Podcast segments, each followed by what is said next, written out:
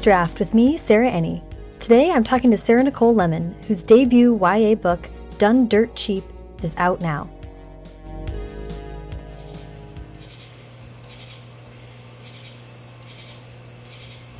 Sarah and I met this summer at a madcap writing retreat in the Smoky Mountains. In hindsight, it seems like this was the perfect way to meet a kindred spirit. Sitting on creaky rocking chairs on a porch overlooking lush green hills.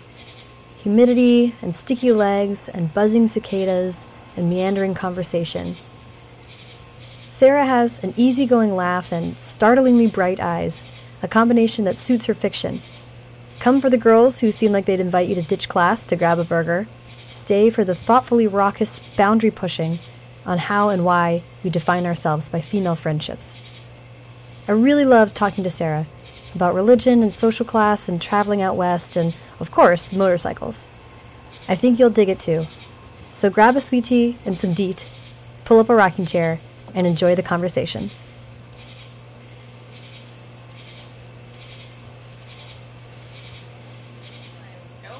Love it. Um, so how's it going? Uh, it's going great. I'm so happy we could hang out, meet for the first time. No, at this it's retreat. awesome. You're so much fun. yeah, you too.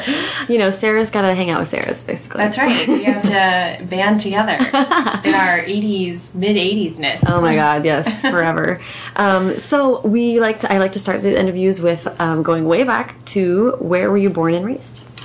Um, I was born and raised in Pennsylvania, but not any place specifically. Kind of all over. My parents moved around a lot. Um, so everywhere but urban areas in Pennsylvania. Everywhere but the Yes. urban areas. All the rural places is where I'm most familiar. Okay. So I graduated high school actually from Hazleton, Pennsylvania, which is in the coal region. Okay. What was the moving around all about? Uh, my parents are just kind of nomadic. They get itchy every couple years and they just want to go someplace new, but they also want to stay in Pennsylvania. So Interesting. they tried to move to Chile one time and that didn't play. they they abandoned that. They're very yeah. They tried to move to Chile with you. Yes, when we were there was like five of us at the time, and Okay. Mm-hmm. they my dad's a engineer by trade, so he was like, I, you know, I can move to Chile, we could have a better life, blah blah blah. But nope, we just like moved to a two bedroom house in northern Pennsylvania. Um, every two years is like pretty often for someone to get relocated. Right, and I wasn't in school though, so it wasn't a major upheaval. I was homeschooled until eleventh grade when I went to public school. Okay, wait. We have to talk about that. Um, I know, yeah, right. what was it like to go to public school in 11th grade? Well, I just remember my first day. I was walking in and I, I was with a friend who I already knew, so I was pretty happy about that. And I remember thinking, like, God, I'm so happy I'm at least as old as the freshman because I was only 14 because I had skipped grades. Oh my god. So There's a lot going on here. yeah, so I was like, okay, okay, we have to we have to be cool. I'm in well, I was Schaefer then, be cool Schaefer, and um, yeah, so it was really overwhelming. It was a big public school. My class had 650 kids in it, and that was one of the smallest classes in the school. Wow. So it was like it was back in 2000, you know, 2001, and it was definitely adjustment, but it was fine. Like I slid right in and had no real issues. I can hide pretty well though. Okay, I was gonna say, that's like. That's wild. You were 14 Yes. going to all these classes. Mm-hmm. Was your goal to just like get through or were you really trying to like get into the social part of it also? my goal was to get through and get out. Like I needed to get out of my house at the mm-hmm. time. Um, it wasn't a great living situation by that point, so I just my goal was to get to college. That's all I wanted to do was go to college. Mm-hmm. So I I was since I was homeschooled and pretty much in charge of my own work. Mm-hmm. I just like upped my pace and made this giant plan when I was like 13 to graduate early and leave. And I did. Wow. So What was Thankfully. um, that's okay. A hundred thousand questions, but what was the pull to do those last two years out of public school? I couldn't get my high school diploma through just a regular homeschooling program. I would have had to enroll in um, some sort of accredited program. And usually those accredited programs, they cost money, and I didn't have money. At all. Oh. So I and I the the difficult part about it was I had to convince my parents. Like my mom was my mom was great in that she gave me a lot of freedom academically and provided me that opportunity, but she didn't really know what she was doing. I was her first. They weren't really aware. So when I realized It sounds like, you were go really moving really fast, Yeah. really smart, and picking things up fast. So that would have been hard to keep up with. Yes, and she just kind of just abandoned me to reading, which is what I wanted to do. So it worked out. But once I figured out I couldn't graduate high school, I realized like, oh, I really have to I have to figure this out. Yeah. So I actually when I was like 13, I called this counselor at Penn State mm-hmm. and I asked him I said, "What do I what do I need to do in order to to graduate from high school Yeah. and go to college?" And so he gave me a couple options and Wow. I remember he was like, "This is how petty I can be." he was like, because I told him I wanted to graduate by 16. He's like, mm-hmm. "I think your goals are admirable. You know, you obviously have a lot of like drive and blah blah blah." He's like, "But I think your timeline is a little misguided. Like, I think it's just not realistic." And I remember thinking on the phone, like. Man, when I'm 16 and I'm graduating, I'm gonna be sure to send you a graduation, you know, announcement and I I definitely did. I definitely definitely did. Um, the the other thing I'm, I'm super interested in is after going from self teaching and like I'm sure going to a public school and then like reading in that environment or like learning in that environment, just like the takeaways would be so different or the perspectives would be so different. What was it like to have to? I'm not going to phrase this very well because I'm not like saying like what's the big difference. I'm kind of Yeah. saying like from an academic standpoint, how- what was it like to get information in that way? I think what it was was that there's a game to play in academia mm-hmm. and I didn't understand that. Oh. And I still didn't even in college. I had little holes in my education even in stuff I was really good at. Mm. Like for my AP English class when I was a senior, we had to write you know, a big paper on a book. And I mm-hmm. picked the Brothers Karamazov and I wrote this paper and I it was like a critical analysis kind of and it was 12 pages where I talked about how in my opinion it was the and like I used research to back it up but mm. in my opinion it was you know man's revolt against God like the whole story of it. Yeah. and it you and it was evidenced by the three sons and all this. Like I did this whole thing and my t- my teacher pulled me aside afterwards after she had read it and she before she handed it back. Like she handed everyone else's back. Mm-hmm. She didn't hand mine back. She pulled me aside. She's like I would have loved to give you an A but you didn't cite anything. Oh, and I was like, what do you mean? Like I did. Like I had one citation mm-hmm. because that was like it was just something that I you know like a biography background or something like Yeah, that. yeah. And I was like like I thought of this. Like I didn't she's like but the point wasn't to think about it. The point was to oh, research what other people have thought and i was like oh like i didn't i didn't understand that like so i had never had to do that before in terms of like you know, organizing that information and putting it into something i could have Right. if i had had known that that's what was happening right, right. so I ran into those sorts of problems where I just everybody else had had a lot of practice and understood the rules, Mm-hmm. and teachers are interacting with you, expecting you to have had this Right. like giant you know knowledge. And this is part of why I can't really write contemporary YA that is very like suburban or school focused or anything like that because I don't have the coding for that really. Mm-hmm. I just I don't know. My. It'd be kind of amazing to have you just do it.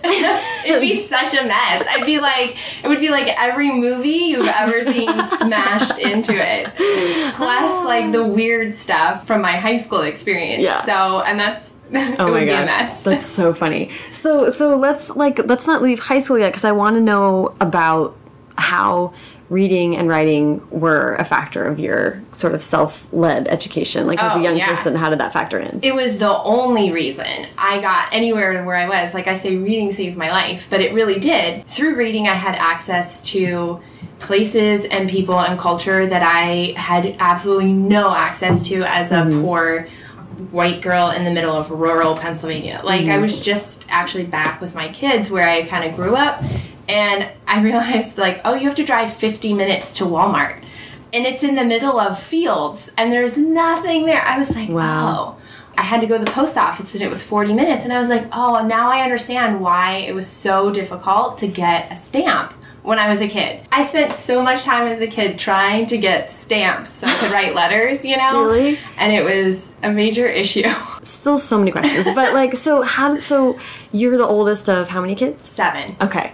So yeah, you had to be like the leader I, yeah. and a surrogate mom, I'm guessing. Yes. And also like figuring your own shit out. Yes. That's a lot. Yes. I couldn't wait to leave. Yeah. well, and seven. So how old was the youngest when you left? When I left, the youngest had just been born. Okay. I was actually at her birth. Like I assisted in her birth. I was the first person to hold her and cut the umbilical cord, Oh and it was that was like yes. So um, I was 15. I'm 15 years older than her. Wow. So and then I left, which is strange now because now she's 14. She'll be 15 this um, December, and it's like our relationship is totally unlike all of my other siblings that I grew up with because we never lived together. Yeah. We've never had lived in the same house and That's so funny. I'm You're more like, an aunt or something. Yeah. hmm That's Yeah. really interesting. Okay, but but reading and writing, how did your schooling like start? How did it go? Like I'm curious about all of the stuff. and Um, you're moving so much, there's like a ton going on. right. So my mom just started homeschooling. Um, she taught me to read, and I remember the day it clicked because I hated reading before that. And then one day we were just reading the Abeka, Abeka reading stuff, and it just clicked. And after that, I was reading constantly. Like I couldn't stop. I read through all of our books. I read through. Now it just sounds like weirder and weirder, but like I wasn't allowed to go to the library because we moved around a lot, and then it's hard when you're when it takes like 30 minutes to drive to the library. Yeah. We couldn't afford to replace books if they got lost. Right. So I was not allowed to take books out of the library. So I was always hard up on books. Like I always needed books. Yeah. So I read things that like I didn't even want to read just because I wanted to consume words. Yeah, yeah, yeah. Because everything else in school except for math is is reading based. Yeah, yeah. Even science you can get by with just reading. Mm-hmm. Um, so it enabled me to kind of plow through all of the rest of my schoolwork Yeah. and kind of advance much quicker than my intellect actually would have allowed me to advance. Interesting, because you were just consuming it. Mm-hmm. And like you had the textbooks for that stuff. Right. Somebody paid for, somebody donated all of our textbooks and purchased like a, a large amount of tech, like reading textbooks for us Mm-hmm. as a family. That's awesome. Yes. So thankfully, like, the kindness of everybody who has ever given me a book, that's why I'm Yes. here. That's so huge. I mm-hmm. love that. What a gift. I moved around when I was a kid too, and I love talking to people who are like us, where it's like you find books when your life is not constant, like Right. books can be, and they can be an escape to a place that's the same, no mm-hmm. matter where you are. So, how did you find? I mean, was reading like sort of a safe space for you? Absolutely. It was the only place where I could always go and Yeah. would always be there, and it was always mine. No one else could invade that, especially when you're living in a very small house with a large amount of people. Mm-hmm. Everything is invasive. There's no, you know, sense of privacy or personal space or anything like that. Mm-hmm. So books and the woods were the two places that I was like, and if I could take a book to the woods, that was even better. That's amazing. So you get done with h- high school Mm-hmm. at 16. Where did you go to college? Oh, okay. So now this is, you know, this is going to make me sound even crazier. I was set to go to Penn State. That's where I wanted to go. I wanted to actually major in physics. Wow. Uh, yeah, I know. But now I look back and I'm like, oh, darling child. That's adorable. I wanted to major in physics. I wanted to go to Penn State. I was accepted. I was ready to go. And then dummy me because I'm 16 and just dying to get out said something like, "Oh, Penn State's like the number four party school or like something like like I said something offhanded Uh-huh. that my mom heard and even though I'd been saying like stupid shit for the last 10 years, my mom heard and was like, "Wait a second. You're 16. You can't go anywhere." And even though they weren't paying for my school, I was 16 Yeah. and I still needed somebody to drive me to school, you know, Yeah, to yeah, drop me off. Yeah. Uh, so they, she said, you can either go to Penn State here, the community Mm-hmm. campus, or you can go to Liberty University in Southern Virginia, which is Jerry Falwell School. Right. I looked up the rules for Liberty, like Which are what? which were okay. They were like I could get around them all. I Okay. said I think I said something like if I can come back to my dorm smelling of weed and I'm not going to be immediately kicked out, then I will go to Liberty. I'm pretty sure that's exactly what I was looking for. And so it looked like that could happen. I couldn't stay home. Like Yeah. I, I couldn't stay home. Yeah. Um, that really wasn't an option. It was just a difficult situation at that point. So Yeah. it didn't really matter if she told me to like go to Bob Jones or anywhere else. I would have been like, okay, bye. yeah. Is it in the backyard? No. Okay. Yeah, right. Yeah. So yeah, they dropped me off on the corner and I had to walk to my door, and they said bye. Bye. Wow. yeah. So you do not have to answer any of these questions if they're uncomfortable or if you'd rather not. But so it sounds like your family was really religious, but maybe you were Yes. not. Yes, they were very religious, and I was, but I didn't do it very well. Like, I really wanted to be, I always really wanted to be a really good Christian mm-hmm. girl, mm-hmm. and I just, like, to my saving grace, actually, I just could not do that. Everything in me just, I don't know, rebelled against it always. There's a So I lot was- of rules and Yes. structure. and I was terrible at following the rules and the structure. I was always asking why and Mm-hmm. trying to, like, if it didn't make sense to me, then I wanted to know, and that's Yeah. kind of like, you know, Yeah. not super great. Yeah, not Um, exactly. So I got into a lot of trouble, and I actually, so I worked at a Gothard affiliated, you know, sort of thing, um, summer camp, and I was in trouble all of the time. Really? Yes, and the more I got into trouble accidentally, the more I became like into trouble. Just It's like it was just so much trouble. Yeah, yeah. But in trouble for what kind of stuff? I mean, because I liked boys, Mm-hmm. because I had like the grown-up body at 14. Ah, yeah. So like I got in trouble for like finishing work and like I plopped in the grass of a field and I was like, you know, I'm dead because this is like 12 hours worth of work. Yeah. And I got into trouble because the the woman was like, my boss was like, you can't lay on your back. It does things to your breasts that make boys watch you. And I'm like, I was like 12 actually when she said it to me, and it's just over sexualized. And then I I just didn't do great. That's really intense. Mm hmm. Mm-hmm. I was like, I make a joke. I'm like, oh, I was in a cult for a while. Except I wasn't a good cult member. Except I was. It didn't take. It didn't. I didn't do well. So, but my parents aren't that conservative, but they are still like they thought that that was a good solution for me because I was having problems um, with them. So they they figured if it's Christian, then it'll be healthy in some way, even if it's more strict and conservative than we are. You know what I'm saying? Yeah. So now I'm still, I've left the religion Mm-hmm. a lot, but I'm still a believer. And so, but I would like to preface that with saying, like, I, I fully support gay marriage and like all of that. So, uh, you know, so Yeah. I'm still a black sheep in my family. It's so interesting. My mom just cried because I'm not voting for Trump. Oh, really? yeah, no, really. Oh my goodness. Okay, well, we could talk about this for a million years, but um, I'm not going to ask you too many more questions on the record about that. But um, because was your family always religious from when you were born? Or was Yes. it okay? My dad was actually before I was born. He was heavy into drugs and like he had a, a long criminal past. He like he's robbed banks and Oh my goodness. bakeries and like lots of criminal stupid and Mm-hmm. a, a drug user. And then he like you know got saved Mm-hmm. and my mom met him and she was like a very methodist her storyline is always the very good baptist church girl Mm-hmm. who like meets the bad boy the reformed bad boy and Mm-hmm. that's been their whole relationship is that sort of storyline so it's still that way That's really compelling to me. And I've been talking about it lately in the context of myths that we build for Yes. ourselves and how, Yes. like, it can go a lot of different ways when you're like Mm-hmm. a really young person and you're presented with like the example that's come up lately is people talking about when you're a kid and people tell you like well you're this type of person or even if it's someone being like well you're a writer Right. then you get it in your head like oh i'm a writer and you just like start to place expectations on yourself yeah that are all external sources. Mm-hmm. I'm just thinking about your parents and like my personal experience with being like believing that you're part of something and that can make something last for longer than it's supposed to or Right. give you weird ideas about yourself that aren't Yes. necessarily true. I'm still unpacking in a very intense way all of the things that I was taught to believe about myself being a terrible human being and being the troublemaker. Right.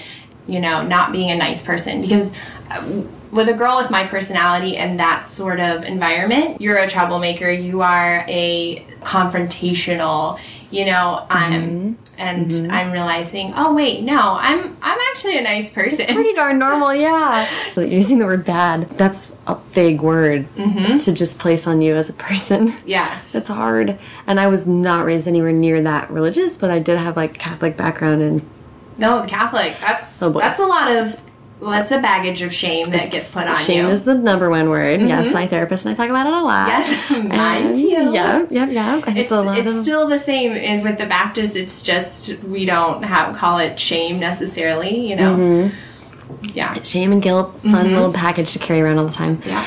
Do you? I don't know if you feel like this too, but the, like I'm unpacking a lot of feeling like I'm loud, and like that. Whenever I have strong feelings, it was constantly like, "Whoa, pipe down," or you're like you're disrupting things. Yes. Yes. And I I'm got like- kicked out of a couple churches actually because I couldn't contain myself while in service. Like and it was just my face and a deacon noticed it and was like Just notice your expression. Yes, because I was because the preacher had just said something that I knew was textually and contextually both inaccurate. Because like I, I was a good like I said, I wanted to be a good church girl. I knew my like I knew my Yeah. Bible and I knew that he just did something wrong. And I'm standing there like clutching my pearls, or sitting there. Yeah. And um, the deacon noticed my ex- I was in high school and he said, if you're going to be like that, please do not return. And I was like, see you next week. That's cuckoo. I did show up. I kept going. Good. Because I didn't, you know, I didn't know what to do with that. I mean, I knew that I was right, but I also knew I felt like I was wrong at Yeah. the same time. But how did it feel to go to college where there's still a lot of that expectation? Did you feel like it was free and you were able to carve your own path? Also, I um in a lot of ways, yes. Like Mm-hmm. I was I didn't need to interact with any of that unless I wanted to. There was a lot more agency given to me by being on my own at school. yeah. Um, so in that standpoint, it was great. Like I definitely still struggled with it, and I, I definitely struggled with some of the things that, like I think Liberty is just like any other college in that they definitely have issues with how they handle ins- mm-hmm. like violence with women and all of mm-hmm. that sort of stuff. So mm-hmm. that's really where I came up against a lot of issues, and I got in trouble. I got put on disciplinary probation at Liberty actually.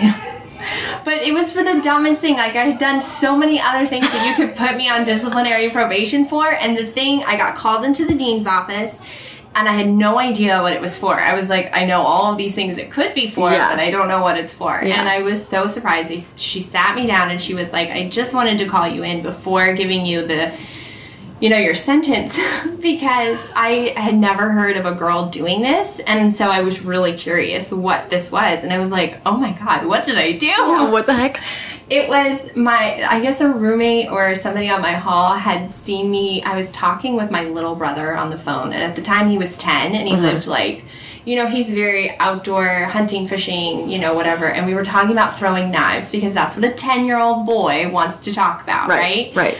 Um, and I had like this very benign butter knife that I had stolen from the cafeteria to, to butter things with. You Yeah. know? And I had a robe hanging on the back of my door, and he was trying to tell me like how, like his 10 year old reading, like how you hold the knife in order to throw it. So I closed and locked my door, and I threw the knife into the robe. And it like just hit the robe and it slid into the pocket. And that was it. And um, somebody had reported to the dean that I was throwing knives into the door and it stuck in the door. And like, I was like, if I was that talented, like, seriously. So I got put on disciplinary probation and a $500 fine, which I, I was paying for school on my own. So I was like, are you kidding me? Like, oh, What the heck? add it to my tab. That is crazy on like so many levels I can't even It was so frustrating because I'm just like, well, I'm relieved I'm not getting kicked out for sleeping with my boyfriend. Um, this knife thing is ridiculous. That's crazy and that someone overheard you and like made up a story and it cost you $500. Five hundred dollars, and I'm sure they took. It was like I'm sure it went like gossiped around the whole hall, Right. And got distorted. Telephone. And yes, and then went to the dean. Like I don't think like one person went to the dean and told like a lie. I think Right. it just was gossip because that's what girls do, mm-hmm. and especially Christian girls really like to gossip. And then mm-hmm. they go to the dean, and then I'm there. Yeah, Wow. That's wild. yeah.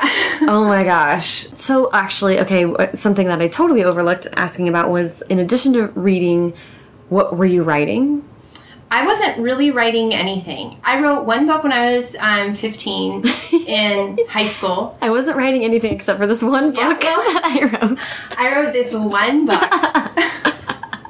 What was this book? It was a girl who rides dirt bikes. Oh, and awesome. like and she has a crush on her best friend who lives next door. It was called The Boy Next Door because I was so, you know, so original. Love it. like and he rode dirt bikes and they rode dirt bikes together and then she realizes she has a crush on him and he's like this pretty boy that like likes to date all the girls and mm-hmm. she's you know the tomboy and was the whole thing and I obviously wrote it because that's all I wanted to read and I wasn't real I didn't really have access to contemporary YA at that point um so I wrote what I wanted to read Yeah. And that was what, senior year of high school? Yes, and I wrote it because I was like, this is terrible because you have to do a graduation project in Pennsylvania, Mm. and one of the options is that you could write a book. So I was like, oh, I'll write a book.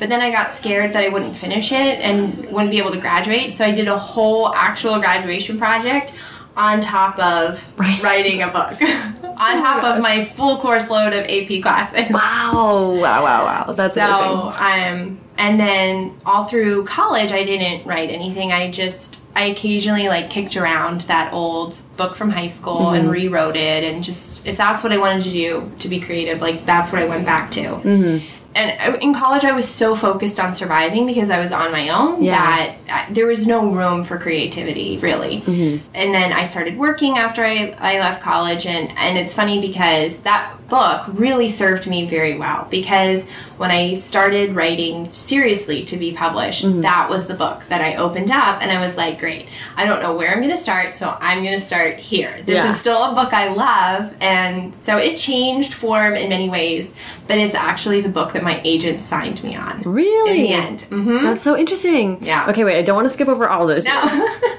Because um, what were you doing to pay for college? What were you working? I worked at a plastic extrusion factory, which was my best job. It was 12 hours, four days on, four days off. Oh my God. Yeah, and I was uh, What does that mean? Plastic what? it, they they make sheet plastic. Okay. I was just a laborer, you know, a manual laborer. I was 12 like the hours? bottom. Yeah.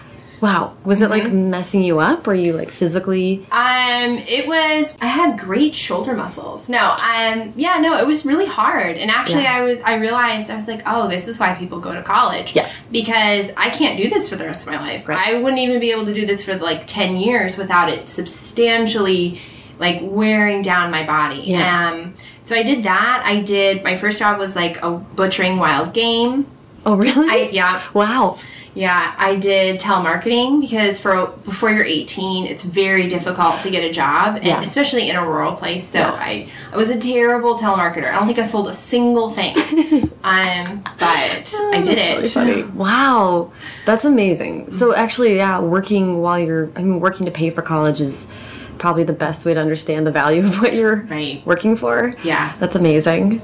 But yeah, so no time for writing or No, and like the last years, I worked as a paralegal, and that was that was like the greatest job I had in terms of, um, well, it wasn't. It was actually the worst job, but it was nice to be somewhere that was air conditioned. yes. and I like I could like brush my hair or something. You know what Yeah. I'm saying? Like yeah, yeah. that was really nice. It paid the worst. I got paid like five seventy five an hour. That's what I lived on. Wow. And also my boss was horrific. He kidnapped me and like did all sorts of terrible things. Um, but uh, it was air conditioned. okay, wait, what does this mean? We have to talk about it because it's going to to tie It is. into It's in the book, Yes. actually. So yes. So the villain in this book Well, wait. Maybe let's wait and come back to it Okay. when we're talking about the book, because Yes. then we can tell the stories. but let's get to you writing the book. Yes. Um. So when you're leaving college, what did you want to do? What did you end up majoring in and everything? Um, I wanted to be a lawyer because I thought lawyers read and Oh, everybody that's so sweet. and everybody I told you I was a bad kid, so everybody says, "Oh, if you're really argumentative, you should be a lawyer." Right. You know, so you hear I heard that a lot. And I finished a government degree with like a pre-law focus or whatever. And I didn't I couldn't pay for law school, mm-hmm. obviously. Like I couldn't even pay the entrance fee to like apply, you know. Mm-hmm. So I looked around for a school that I could work for because most schools have a policy where they pay for your education if mm-hmm. you work there at the same time. So I got a job in graduate law admissions at Georgetown. Yes, That's but then it turns out I didn't want to be a lawyer because that's a terrible job. I liked being a paralegal. A paralegal was what I thought a lawyer was. It's oh. paperwork and reading and research and mm-hmm, Yeah. and fun stuff and the lawyer is like a game of horrible proportions so no offense to all the lawyers out there but thankfully i figured that out before i went ahead there's a lot of people who go through law school and then they get out and realize like oh this is not for me Yeah. this is not at all what i thought it would be Yeah.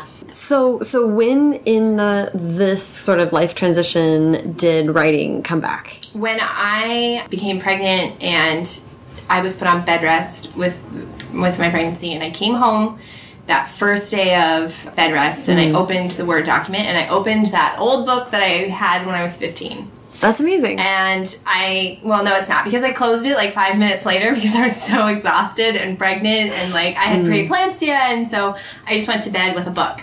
But that was, I still consider that like my first day as a writer because I was determined to, I didn't tell anyone. Like I kept it, nobody knew that I wanted to do this. And I kept it very, very quiet until like I got an agent basically.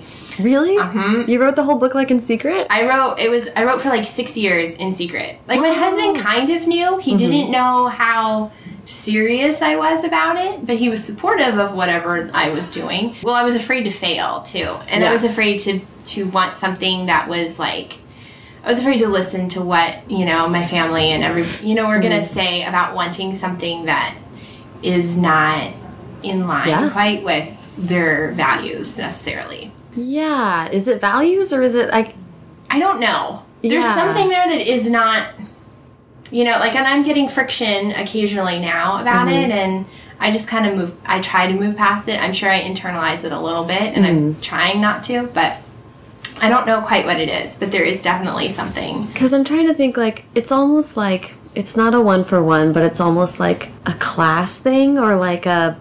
When I when I talk to my family about it, it's they are just like, "You're writing a book." Mm-hmm. It's like this thing where it's like so out of the scope of what anyone would do. They can't like relate to that to trying to do it or like any of that stuff. They're just like, okay, we'll buy the book when it comes out, but like they don't know how to relate to like all of this that we're talking about. and this part, the publishing part of it, is what where I lose my family. Mm. The writing of it is okay, like the creative aspect is fine. Mm-hmm. But once I start, once I stand up and I say, I want other people to read this. I want people to interact with this art that I've created. I want.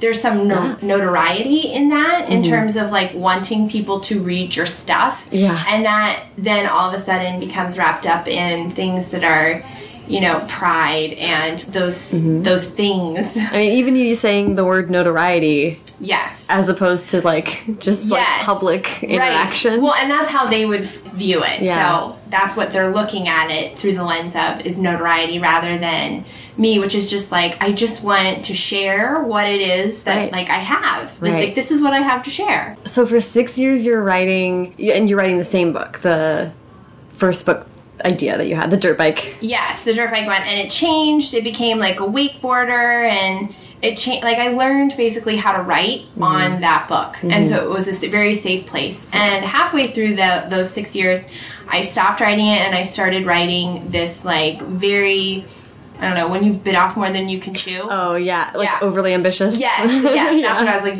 for. Yeah. Way overly ambitious, literary crime fiction, and Whoa. and it had like, and it was an adult book, and it was yeah, it was just this big hot mess of like of stuff in it because I had no idea what I was doing really. Mm-hmm. And I wrote it, and it was it was probably still some of the best writing I've ever done Mm-hmm. in terms of craft, like sentence craft. And I subbed it out to agents, Mm-hmm. and agents couldn't turn it down fast enough.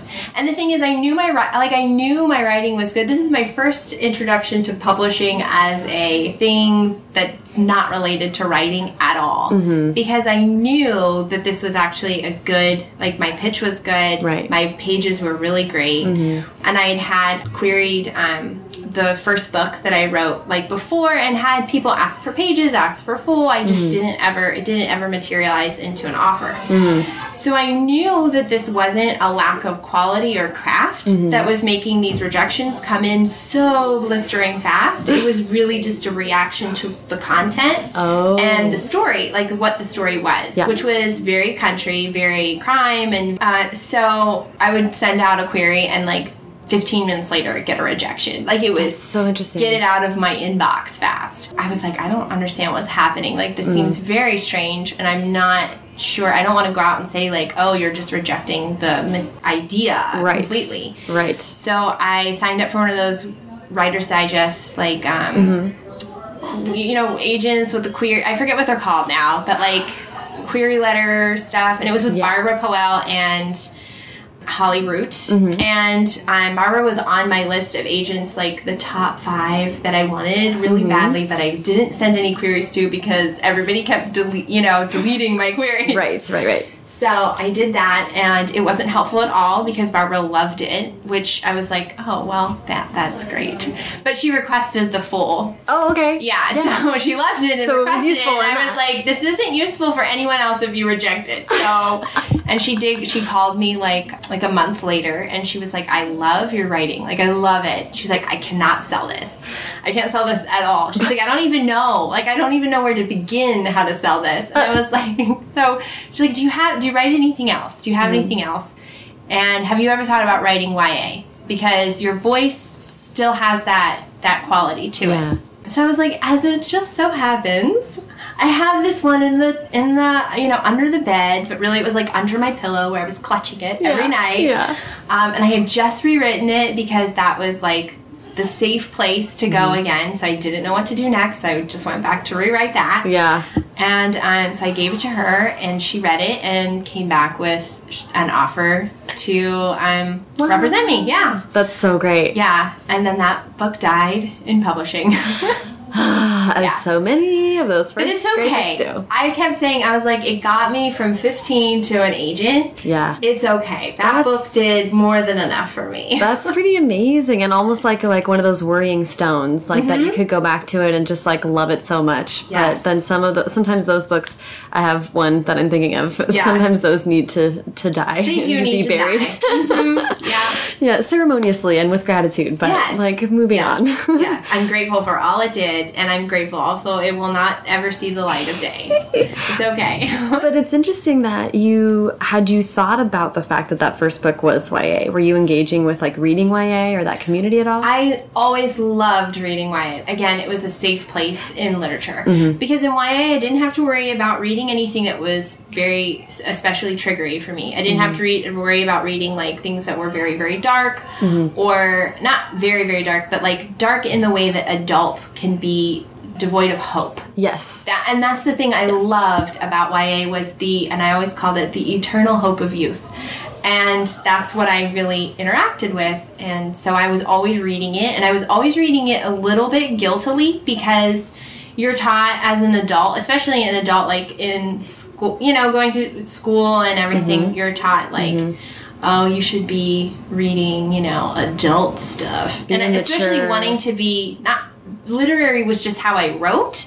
So you know you're you're like you're supposed to be pretentious about that. Yes, right. So and I didn't really get that, but I was like I get that you're not happy with the fact that I'm reading Eleanor. So, Yeah. But Do you think that I think that's true for everybody? Like Yeah. No matter what um, age we are, we all are getting kind of side eyed for, um, For enjoying. YA. but I wonder if for you it was particularly strong because you were always so young. Like from the moment that you sort of like dove into like public school and like Mm-hmm. j- and all of that like societally um, created stuff, you must have always been striving to be seen as like the age you intellectually were. Yeah. Yes. All of that I think really played into why I loved YA so much, and especially contemporary YA, because in contemporary YA, I, I could kind of find like the coding, you know, for behavior and like those little things that I was I was trying to assemble Yeah. in myself. You know what I'm saying? Yeah.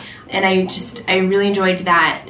So they presented a brand of normalcy in YA that was like benign and what everybody would nobody was going to argue with you for being that sort of person, right? Yeah. Which is white and privileged and like you know what I'm saying like and well to do somewhat and middle like upper middle class and like and that's the coding I was always trying to pick up uh, um, and didn't quite do very well always so it's a little messy Yeah, wait, let me just make sure that I hear what you're trying to say Right. or what you're saying. You're saying that reading young adult was a way for you to access those like the building blocks of that coding. Yes, Like the building blocks of what became quote unquote normal when you're an adult. right absolutely That's so interesting. Mm-hmm. It'd be like watching the high school movies. Yes. To be like, now I will understand what people are talking about when they talk about lockers. Right. Or like when you hear people that say, "Oh, I watched American television to learn English."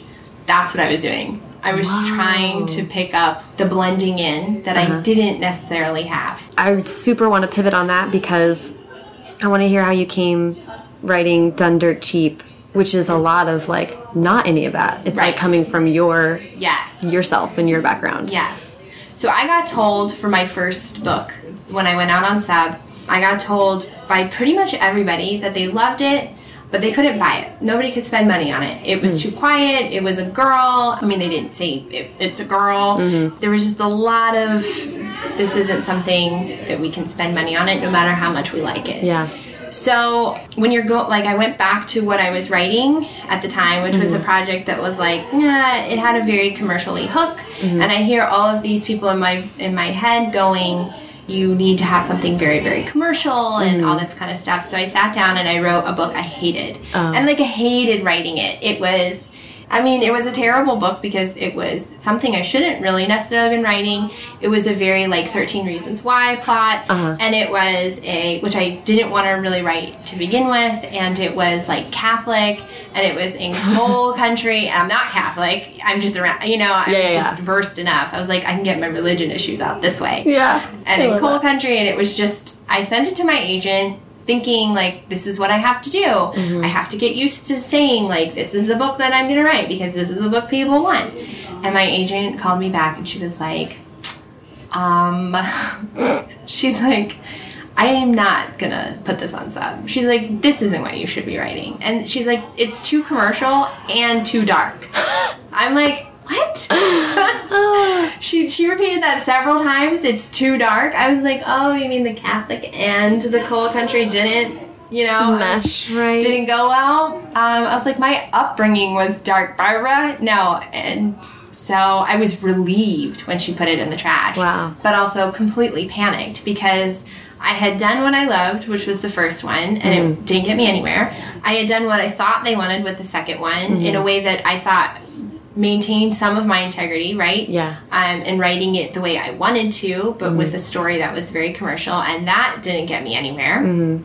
And so I didn't know what to write next. Like I had no idea. What like what do you do with that? Yeah.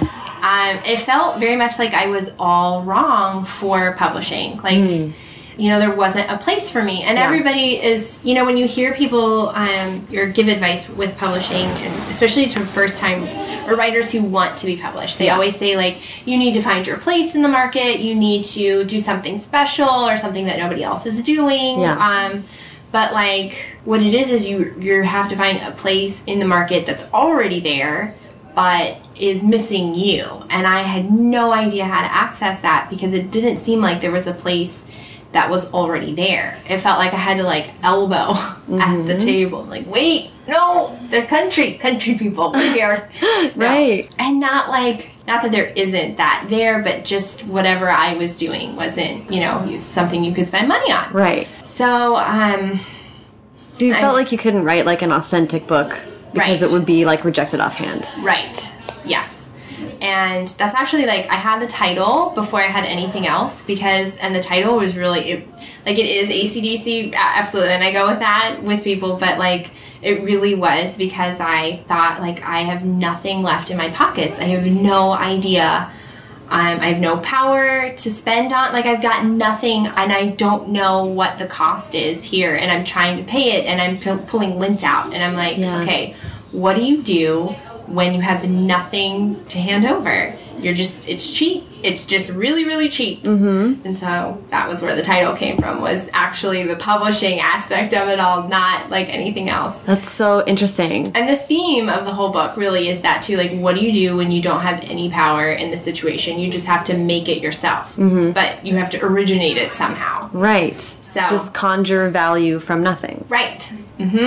Interesting. And demand the place that doesn't necessarily exist for you. Mm-hmm. That's the whole the whole thing of the book, and that was what I was dealing with at the time. So wow, wow. it was actually um, I wrote like a terrible rough draft of something that had motorcycles in it because motorcycles was like that's me and people like it like i was like i could write and, and this is something i don't think i probably shouldn't say this i shouldn't say i was staring at the wall trying to figure out what i knew about mm-hmm. that was also commercially accessible to people mm-hmm. and i heard my husband yelling about the bikes on sons of anarchy in the other room and i was like oh, I can write about that. Like, I know that. Yeah. So I was like, okay, that's what I'm doing. So I wrote like a terrible rough draft.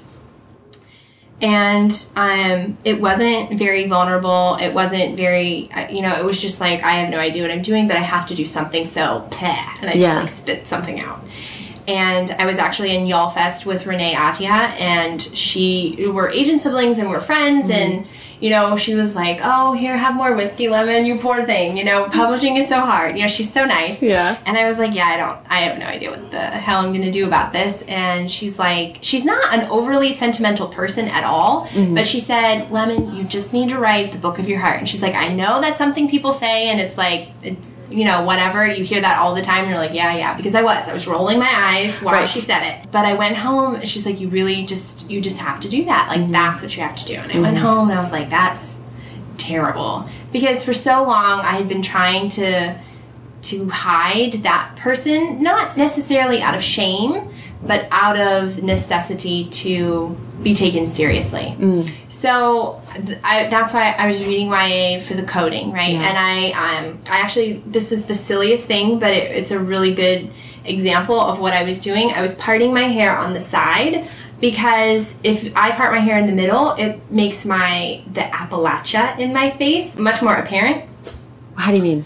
Um, there's like a certain bone structure, especially if you're from the area and you see, you're like, oh, that's a mountain, that's a mountain people, because the face is really indicative of that German, Irish, Scottish, Uh-huh. and the bone structure's there, and it's like, like I can think of several people who I who have that, and that's what my face is kind of similar to. It's very like wood Witch. It's very, it's something. So interesting. So I was parting my hair on the side, like good little preppy girl, in order to soften the harshness of my face, of my genetic identity. And um, and that's like a really. So I went home and. Even though it doesn't mean anything at all, I started parting my hair in the middle and being like, fine, I look like I'm going to an Ozzy Osbourne concert. Oh well, that's just who I am. And I sat down and I wrote the book, like that person wrote the book. That's fucking rad, dude. I love that. It was so personal, and the whole thing is so personal because I can't say like where it came from without being like, this is you know mid twenties. You're growing into who you actually are Yeah. instead of trying to hide that. And oh my god, in. yes. Mhm. Yes. That's like like late 20s, I would say. Yes. Like- and that's where I was. Yeah. Mm-hmm. How did the story evolve from there? Like you came home, you woke up and decided to write this really personal thing. Where did the characters come from? Was it like did it sweep you away? Was it chipping away? I always start with characters, and it's the plot that's really, really difficult for me. Um, So I'm not necessarily sure where the plot came from, except as I kept rewriting and kept rewriting and kept rewriting and kept needing, reaching for things that felt that were familiar and that I knew about and could make personal. And um, at some point, and I didn't set out to do this intentionally at all, but at some point, the villain in the book became the person that I worked for in college. It was just based off of that. Yeah, we'll right, say. right. Yes. So the villain in Done Dirt Cheap, his name is Hazard, and Which I love. Such yes, well, it's his last name. His first name is like uh, Reginald or something, I think. and he's a lawyer in Roanoke, Virginia. Mm-hmm. He's a lawyer who does like legitimate lawyer stuff, Mm-hmm. but also supplements his income with like bribes and pills and prostitutes and like It's like a Better Call Saul kinda situation. Yes, kind of. Yeah. Which I, which was funny because that came up like while I was writing, and I was like, oh, oh, great. But I hope no one deny like rejects it for this. also encouraging though that like people are into Yes. That and kind I of feel story. like those, you know, not lawyers aren't bad people, that's not what I'm saying at all, but just there is definitely a propensity for if you like the game of being a lawyer, you also would like the game of being a criminal. Like Right. those two are very similar. Right. Well, it's the same kind of compelling story with a lot Yes. Mm-hmm. of like law enforcement stories or like the dirty cop because it's like Yes, the those love are line two is sides thin. to this same coin. They really are, and I've seen both sides. I know. Yeah. So the person I worked for was just a was just a typical lawyer. Mm-hmm. You know, he might have been shady. He might have been criminal in some points. I I don't know. I searched high and low, and couldn't find anything that anybody cared about. But he was particularly vindictive to me. He did some things that were definitely illegal, but I don't know. Like he took me to his house without like while I asked to go home. Like he kidnapped me essentially, and I was fine. Like I came out of that okay, but um, it was definitely traumatic, and I still had to work for him. And actually, um, I just I couldn't find anything that anybody cared about. I actually went to one of my professors at the time at Liberty, and I said. I'm being like he would punish me repeatedly. Like it was a process, and it was just an abusive process Right. where I would get built up, I would get more privileges, and I would get, you know, professionally speaking, a lot more responsibility and do the things that I really wanted to do, which he knew. Mm-hmm. And he would do all of this and like help me out a little bit with money, like mm-hmm. under the guise of being a good employee. Mm-hmm. And and then all of this would lead up to an initiation for um, a sexual relationship and i would deny it and then the next day i would come in and i was everything was stripped away. I would be back in the filing cabinet doing that and he would do he would assign me tasks just to to humiliate me and to like make it very difficult for me. And then it would even out for a little while and then it would start going back up. And then like we did that process Wow. over and over and over again. But none of it was illegal. Right. and um, well not i mean not in a way that i could ever go to like a cop because obviously kidnapping me is illegal but i got in the car in the first place Right. you know Right. Yeah, it's one of those yeah as a woman Mm-hmm. hard to yeah. so i went to one of my professors at the time who was about to be the dean of the of the criminal justice department at my school and i said i told him everything that was going on and he said there's nothing that you can do without ruining your entire life and you will never work for anyone else in this town if you if you like make this an issue. And that was where i was living and i still had a whole year of school to go through. So i was completely powerless in the situation and i ended up blackmailing him. I made him sign this contract thing where i was like i won't tell anybody about all of this stuff if you don't ever touch me again. And um and I, Whoa. like and you don't ever do this. And i because he was really big into signing everything he made me like recount everything. And all of that little like the little stuff that he did is is hazard. So hazard was my revenge fantasy because in Done Dirt Cheap and in hazard i could make that character something that people obviously cared about. I could make him the criminal. I mm-hmm. could make him like clearly a person that was doing something wrong. And nobody does care about it really in the book except for the girl that that works for him. Mm-hmm. But eventually she realizes that she doesn't actually deserve any of this and this isn't part of her life anymore. She doesn't want to do it and is able to then bring like there's a sense of justice Well, that i never got. And so it was it was great to be able to do that. Yeah. it also put me in therapy because I realized like how traumatic that actually was. Yeah. Well, that's huge. Yeah. Good. So, I, I'm super impressed that you like recognize that you were in like an abusive relationship pattern and then mm-hmm. like were proactive even though you were like stuck within it. That's like I was totally stuck within it. But I didn't realize the pattern of that when I was going through it. I just knew I hated it. Yeah. You know what I'm saying? Yeah, yeah, yeah. Now looking back, I can see that there was like a clear pattern up and down, up and down, up and Yeah. down, and that that was part of grooming me. And I was, a, and I can see now too. The minute I walked into his office, like that's what he knew. he pegged. saw me as a um, you know i was a vulnerable woman i was on my own i was 18 um, at the time like i had no security no safety net and he knew that Yeah. and he knew it and i didn't know that that was so obvious wow. Wow. So yeah, that's amazing to be able to like put that in a book and be able to like state your case by like building him building him up and sh and revealing the pattern for what it is Right. and then it's like i think it's com so so amazing to me because then like the reader gets Yeah. like the reader gets to be the judge yes and gets to hold this person accountable. Right. And then, like, if they recognize that pattern in their own life, which I think everyone at some point encounters a relationship that's to some degree like that. Mm-hmm.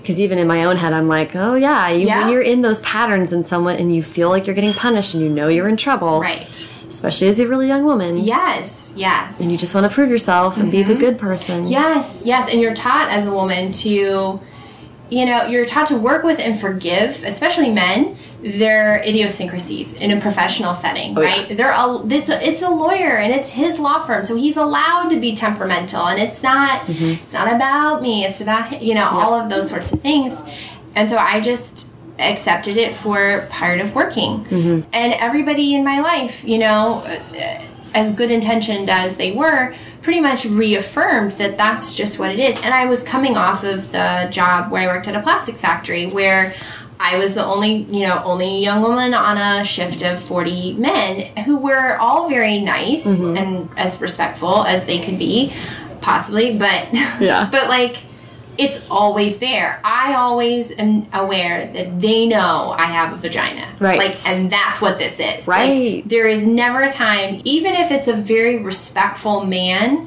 you as a especially as an 18 year old girl, you always look at a man like that and you can see right behind their eyes, they know, you know. Yep. And that's that's always there. And that's really what this book both in the context of of Hazard and also Tourmaline's father and the, and the wardens, what I talk like that's the the major part of this book is it when you're 18 it feels like your sexuality is your only power in a lot of ways and it feels like it's very powerful and it's almost like a trick because it's powerful only if you spend it where you want to spend it not in order to get yourself power like you can't exchange sexuality for a real power you know for like other power and it's very complicated to figure that out and to realize that you have value outside of that Yeah. as a as a young woman. It takes a long time to to sort through that a lot of times. Years.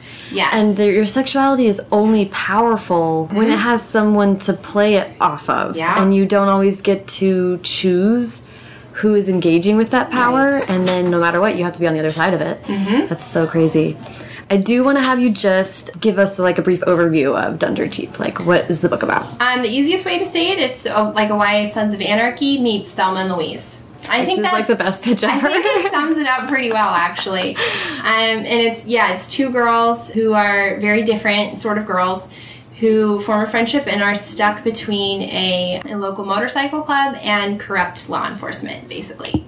So That's so amazing. Yeah. There's so much mythology to Yes. like biking, biker there, gang there is, culture. and I love it. It's so interesting. Yeah. Mm-hmm. How did you kind of want to play with that? Because you obviously are like more familiar with that than Yeah. like the average person or people who are just curious on a Right. passing level. Right. And so with my experience with motorcycle clubs has always been, you know, it's not like I can sit here and say like, "Oh, I was like a girlfriend of somebody," you know. That's not what it was. It was just always around. Like there was always a person even in church um, who was a member of a motorcycle club. Always. And so especially in rural life, it's it's small and you interact with um, the same kind of people and the same sort of situations and So um, that's really where my experience with that comes from. But I knew, and it's very appealing to me as a writer because they have all their own stories, and their their identity is really wrapped up in the story of their brotherhood and their club and Yeah. where that comes from, and and it's all it's all very much related to you know where they are geographically a lot of times Yeah. and it's just it's very interesting to me and it was even as a little girl like there was a clubhouse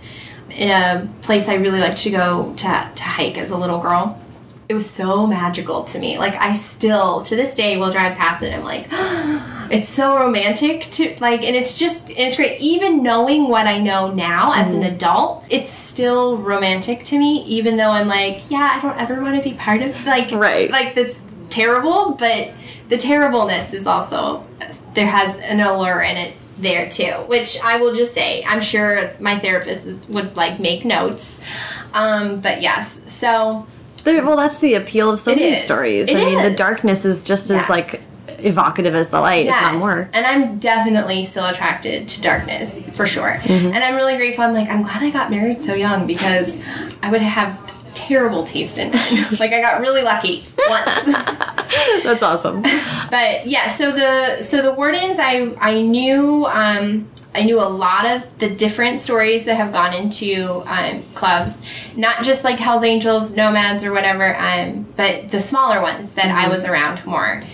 So I sat down and I knew I wanted to do something that tapped into that mythology and that that those ideas that men have about themselves and then create around themselves, right? Because Oh, they do that. And so with the wardens, I wanted to do in small town, you know, you kind of police yourself. The community is watching for itself and mm-hmm. watching for its vulnerable members and mm-hmm. taking care of it accordingly. I wanted to write about that. And so I wrote The Wardens with their mythology coming out of King Minos and Dante, who mm-hmm. is the decider of where somebody belongs in hell. So they are the ones in the community who are deciding that. Yeah. So, That's so interesting. yes. And I like that you describe correctly a lot of the motorcycle clubs being like a brotherhood. Mm-hmm. And you're sort of blowing that up by having the focus of the story being the two young women. Yes. It's totally their story with this with the sisterhood, the ride or die sisterhood. Which yes, because those women, I was always as a girl paid attention to those women because they had one a bad rap. Yes, and I was always paying attention to them like what are they, you know, what are they doing because it was attractive in that they were very unequivocally their own person and they got to decide. Mm-hmm. And it may not have been the healthiest thing in the world, their decisions, but they were their decisions, you know. Mm-hmm. There was a lot of ownership there that I didn't have as a child. I wanted to write about feminism in places that are pretty hostile to feminism because I mm-hmm. think it's absolutely still there. And what we see a lot of time is feminism in places that are like, oh, oh, we need to be, we need to be feminist. Right. Yes. In like very, Yeah. really friendly environments for that. Yes, yes. Or really like, you know, I read YA where parents are like very openly feminist, and I'm mm-hmm. like, that's so nice. but what? Yeah, wouldn't that be great? The, yeah. the dream. The and then the other thing about blowing up like the brotherhood stuff Yeah. is also the pull of and you said it earlier like calling yourself a wood witch Yeah. and like this sort of like that is like almost a great corollary like the feminized version of this is Mm-hmm. like coven witch type of sisterhood. Yes. So like mashing those together almost kind of. in Appalachia, and then just the tradition of folk tales, because this really does come from the story itself, really comes from a long tradition of songs and stories about women who take their revenge, Yes. right? If you actually look in folk folk tales and folk songs that come out of Appalachia, like we really like stories where women are vindictive and they like kill people who hurt them and like we like that. Mm-hmm. And that darkness and that terribleness which is it is very empowering i think to a young girl who is maybe in a situation that is abusive or violent where you're like okay i can get my revenge because all of the songs say all, half the songs admittedly were getting killed um, too so there's just a lot of dying in general but that is the tradition that I come from and the tradition that I connect to, Yeah. and that's the tradition I kept. I just wanted to do it very modernly because I am very modern, and I didn't. I'm not actually a very good like folk teller or or fa- I'm not a good fantasy writer. Like so, I I, so I told it in the way that made sense to me, which is contemporary YA. Yeah. Yeah. Oh my god, that's so amazing. What did it feel like? How did Barbara react when you sent this book then? After you kind of parted your hair in the center and went for it? Yeah, yeah, she was really excited about it. But it went on sub and people did not want it. Really? yeah. Ah. No, we went slowly on sub and um a couple at a time. Mm-hmm. They were all people who wanted, who loved my writing, right? And um, had reached out actually, and were and were like, "Send me her next stuff. Like, I really want it." Mm-hmm. And they read it, and they were like, "I can't. We can't buy this. Interesting. This is not." And it wasn't even. It was much more personal rejections than with the first book. Right. So I went to acquisitions um, once, and they said they came back and they were like, "No one will read this. There is no audience for this book." They they were like the, the they said the John Green crowd won't go for it. I was like, why are you why are you talking about John Green in my rejection letters? Yeah. I have no issues with John Green until he shows up in my rejection letters. Right, right, right. Yeah. That's just like an inappropriate application. Like, there's readers beyond and above. And you don't know John Green readers. I don't know. They have broad Yeah. interests. And it was just, it was so much more personal to Yeah. hear that, especially when I laid like my whole self kind of on the line with Yeah. with this book. Yeah. I was appalled. I was like, I don't know what to do now. And I, mm-hmm. I was actually in West Virginia at the time that I realized that I got like the final kind of rejections and I realized like, oh, there's only like two houses kind of left in this situation and it's not looking good. Right, right. and I'm like, okay, I have to come like again, I didn't fit into publishing and there wasn't a place and I and then whether this is true or not, because it may not be true, but it mm-hmm. felt like at the time that because I was writing about poor girls, I would have to write like 10 times as better in order to be taken, to be given like the same space. Right. Yeah. And I can only imagine how difficult it is for women of color with writing stories about girls of color. Like, Yeah. what do you even do? Like, Right. how can you even pretend that there is, if, if I'm having this much difficulty with the amount of privilege I have, how can you even pretend that there isn't going to be an intense amount of difficulty to get your stories to the table? Yeah.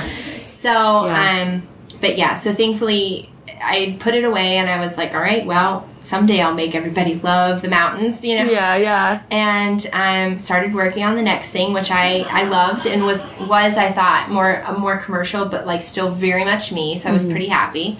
And then it sold, and then it just sold, and I have no. I was like, what? What? Um, so then let's um, wrap up. We like to wrap up with um, advice. Okay. So I'd love to just hear uh, just advice that you have for first time writers or for people who are going through the the trenches. Um, I think that only advice I have because I love I love giving advice. It's like my favorite thing. Like yes, I'll tell anybody anything, you know, my opinion, advice about what they should do, you know. Um, but with writing, I think it's very benign and stuff that you've heard over and over again. But just read, read the f out of everything. You know, like there's good books and bad books, literary books, books you don't want to read, books that you like really want to read and reread, like read all of it. Mm-hmm. Because all of it is really useful for internalizing words and what it is that you actually want to do. You can never ever go wrong by reading more. Like Yeah. that's never going to hurt your voice. It really isn't. And I think a young writer, like young as in not as experienced, gets worried because I know I got worried. I worried that reading a lot would impact my voice because I had a strong voice by my, you know, outside of that. Mm. But what I didn't realize was that my voice came from years and years and years and years of reading and Yeah. internalizing it, and more reading wasn't going to do anything to that that would harm it. Like Yeah. it wasn't going to affect it in such a way that would make it like I'm not I'm not going to turn into Ray Bradbury just because I read it. You know what I'm saying? Right. Yeah, yeah, yeah. So- I think that's important. The work of crafting your own voice is not exclusive of like understanding other people's Yes, voices. and I think actually those are completely related. Mm-hmm. Like in order to have your own strong, distinct voice, it's it really is an internalizing all the others. And I get it. It's coming from a place of fear. You have a voice and it is distinct and it is special in Yeah. many ways. And you think a little bit, I think, I think this is what it is. I think a little bit that comes from a place of, of being afraid to read YA and have it affect the specialness. But right. it's not. It's not going to affect it at all. It's going to strengthen it because now you're internalizing your craft and you're internalizing your peers mm-hmm. and like and now you just know. Before you're just an idiot who can write. You know right, what I'm saying? Right, not right. an idiot, you know. but like, you know what I'm saying? Yeah. yeah. Before you educate yourself, and because I think in particular you know, YA isn't a genre. Like that's yes. kind of the easiest word to talk about it with. Mm -hmm. But but the fact is that like when Barbara came back to you and said like you your voice is young adult, yeah. it's like there's an ephemeral thing. Yes. And the more that you read young adult, the more you get what that is. Mm -hmm. But you can't like just read adult murder, murder mysteries and be like, oh, I'm gonna write YA. Right. It's like you'll end up writing a book that's just about a 16 year old. Yes. But it isn't going to have that thing right. that makes something young adult. Mm -hmm. And mm-hmm. like the more that you read it and understand it, the more you can think about what about it you like, what you don't like. Right. You just you're making an info informed choices if right. you're like well read. Yes, no, and I think it's it's a little bit like learning to control a superpower, right? You have this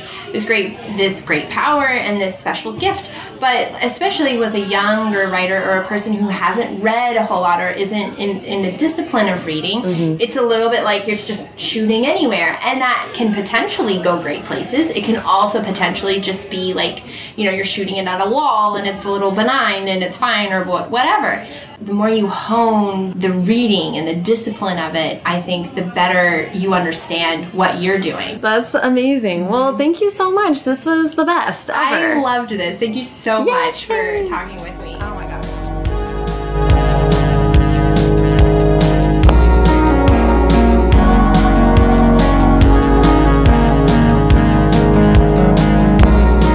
Thank you so much to Sarah. Follow her on Twitter at Sarah N. Lemon, and follow the show at First Draft Pod and me at Sarah Enni. You can also find the show on Instagram and Facebook, but for show notes with links to everything Sarah and I talked about, as well as an archive to past shows and a sign up to get the First Draft newsletter, check out firstdraftpod.com. Don't forget that March is the Trypod month. That's T R Y P O D, and go ahead and stick a hashtag in front of it. It's a movement by the podcast industry to promote podcasts, uh, which only about 20% of people listen to them, so there's a lot of people out there who don't know how cool they can be. On Twitter, it's a great place to hear about new podcasts that even you may not have heard of.